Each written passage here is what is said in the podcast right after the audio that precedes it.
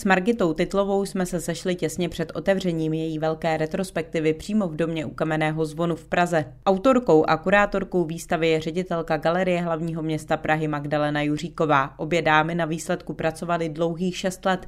Margita Titlová mi hned na začátku přiblížila celou koncepci své výstavy. Dalo by se říct, že Magda Juříková zná moji tvorbu asi 30 let, protože prostě chodí na moje výstavy a asi před 6 lety jsem jí ukázala celkový výběr ještě s Miroslavem Jiřilem. Jsme za ní zašli a vlastně jsme jí ukázali, jak bychom si představovali tu výstavu. Ale je to opravdu 6 let a vlastně těch 6 let se na tom pracovalo. Co by se dalo, jak, která instalace a tak dále. A tím, že vlastně ten prostor je prostě úžasný, je strašně nádherný, je to vlastně gotický nádherný dům, ale má plno různých místností, tak se vlastně do každé té místnosti muselo vymyslet, jaký projekt by se do té místnosti udělal. My jsme tady dole v galerii a tady jsou vlastně ta díla, která jsou nejčerstvější. Mohla byste trošku představit, protože vy pracujete nejenom s médiem malby a kresby, ale tady jsou právě i zastoupená, nebo je to nasvíceno různě, takže se světlem. S jakými všemi možnostmi v tom umění pracujete?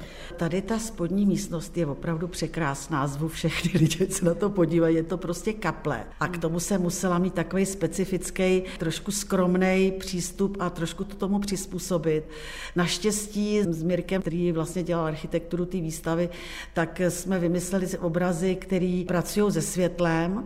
To světlo vlastně je na tom vytvářený odrazem, takovým zvláštním, takže vlastně já tam pracuji s takovou nejistotou, vždycky u těch svých věcí, vždycky s takovou nejistotou, že ty věci vlastně fungují v jistý okamžik, když všechno funguje. To znamená, když se to světlo odrazí od toho materiálu a vytvoří tu duhovou barvu, ale když vlastně to nevytvoří, tak vlastně ta krása jakoby neexistuje. Takže na tom principu, na takový té jistotě a momentu, teď si to užiju, teď to tam je, teď to funguje, tak na tom momentu jsem vytvořila ty obrazy. Pak je tam série soch, ty jsem taky dělala teďka v poslední době. Ty jsem vlastně dělala zase tak, že já vlastně taky mě hodně zajímá nějaká transformace z hmoty do nějakých emocí. Ty sochy jsou tam vlastně vymodelované z hmoty, z keramiky, ale vlastně pod nimi jsou takové kresby, které jsou vlastně jenom jako kresby, vlastně plošný, kdy já tu sochu jakoby dostávám do nějakého jiného. Řadila jste se v těch 80. letech mezi takzvané akční umělkyně. Co to znamená? Protože z vás ta energie srčí i tak, tak možná to s tím i trochu souvisí, ale kdybyste měla posluchačům vlastně představit, proč jste do této škatulky eh, zařazená, co si mají pod tím představit? Já jsem hledač. Já nevím, jestli jsem akční nebo neakční, já jsem někdy strašně unavená, někdy jsem akční jako normální člověk, ale, ale já akčně jsem... vypadá. Akčně vypadá. Děkuji. Takhle, já jsem hledač. Mě prostě zajímá svět. Já mám ráda prostě dívat se na věci a zkoumat je. Skrze umění. Jestli jsem v nějaký škatulce, to je těžký, to už zase dělají druhý lidi. Nemalujete nebo jenom nekreslíte, ale ještě kombinujete tu kresbu a tu malbu s dalšími věci. Byli umělci, kteří začali s performance, kdy vlastně začali, přešli od toho klasických médií, to bych ale musel udělat přednášku, od těch klasických médií prostě do toho, že začali používat jenom tělo. A tím tělem vlastně začali pracovat a tím vlastně začali dělat výtvarné umění nebo umění. Já osobně používám různé prostředky, které by vyjádřily to, co potřebuju. Hmm. Takže pracuji s naprosto novými technologiemi, 3D skeny, termovizní kamera. Používám různé věci, které se mi hodí pro to, co potřebuji vyjádřit. Takže i ta technika vás zajímá. Velice, technologie, technika. Velice technologie. Mm-hmm. Velice. Takže já používám jako jak klasický média, to znamená malbu, barvu, ale pracuji i s takovými věcmi, jako je třeba hlína. Hodně pracuji s hlínou, jako ze zeminou, s kterou maluju. Právě ta materie, z který jakoby všecko vychází a je takovým, já to říkám, takovým vyšším principem který prostě, i když nechci, aby jsme měli vyšší princip, který prostě nám dává jistý věci, kterým se musíme podřídit, tak prostě je to tak.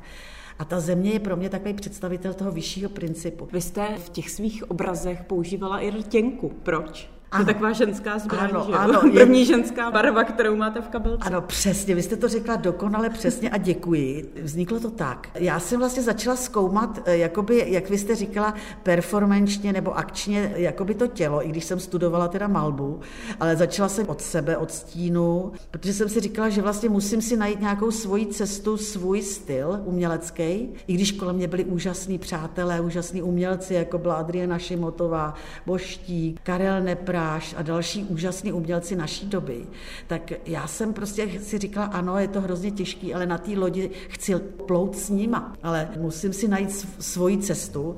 A tak jsem začala jakoby od stínu a toho stínu jsem se začala dotýkat. Říkala jsem si, fyzicky existuju a ta moje existence se odráží na tom světě okolo mě tím stínem. Tak jsem si říkala, aha, ten stín mi říká, že žiju a že nějak komunikuju. A tak jsem se ho začala dotýkat. A pak ten dotyk jsem se začala dotýkat jako by to rtěnkou. Ale protože jsem měla tu rtěnku v té kabelce a navíc tam je výborný pigment, Bývá často. nejlepší, eh, hrozně jemný a ty dotyky opravdu tou rtěnkou jsou takový jakoby eh, lepší než barvou, jo. Oni jsou opravdu, ten dotyk je tam hodně jakoby dobře zpracovaný, takže jsem začala používat tu rtěnku. Co všechno vás inspiruje? Někteří autoři třeba tvrdí, že to je jenom příroda, někteří zase jenom člověk, jenom figura, nebo jenom to, co vytvořil člověk. Je, je něco, v čem vidíte to umění pro vás? No, je to pravda, máte pravdu, že i já mám vlastně, když jsem si teďka tu výstavu celou prošla v tom mém věku, kdy vlastně jsem si prošla hodně těch věcí, tak jsem zjistila, že mě jako zajímají věci, které nevidíme fyzicky. Že mě vlastně zajímá ten svět, který e, není viditelný a já s ním můžu pracovat e, skrze to umění výtvarný. Mm, takže to mě emoce. zajímá. Ano. Zajímají mě emoce, které vznikají na základě toho fyzického světa a ten se transformuje do nějakých našich pocitů. A tohle mě zajímá. Ta výstava se jmenuje Purpurová vertikála. Proč? Je to na základě vašeho nějakého díla? Ano, e, ta purpurová vertikála je vlastně taková imaginární socha, kdy jako propojuje dvě věci. Vertikála je to prostě ze spoda nahoru a tím pádem už vidíme, že vlastně si můžeme představit, že to je nějaký barevný, nádherný prvek, který proporuje dvě věci. A to jsou různé věci. Můžou být od sebe miliony kilometrů, může to být země a nebe, nebo to může prostě ta vertikála jít až do nekonečna, nebo může být malinká deseticentimetrová. A nebo to může být právě taková purpurová cesta, tak vlastně vidím tu svoji výstavu na který jsou takový různý milníky na té purpurové vertikále, který já zviditelňuju na této výstavě v tom kamenném domě. Kdybyste měla být konkrétní a pozvat posluchače na vaši výstavu, co tady uvidí? Já si myslím, že lidi, kteří chtějí nějakým způsobem komunikovat a zajímají se o svět, tak by mohli na moji výstavu přijít. Mě zajímá komunikace a zajímám se o svět a pátrám, hledám, nějak ho studuju. A pro tyhle lidi by to mohlo být zajímavé a můžou přijít i s dětma, ale nesmí se dotýkat těch soch, ty jsou hrozně křehký, jako jo, ty magnety a tak. Takže musí být opatrný, ale jsou tady různé zajímavé věci. Je tady třeba vystavený meteorit, je tady skamenělej strom, je tady balón, který se nadnáší teplem, nebo je tady brána, která cirkuluje na základě jenom vodního systému. Jste i trochu vědkyně.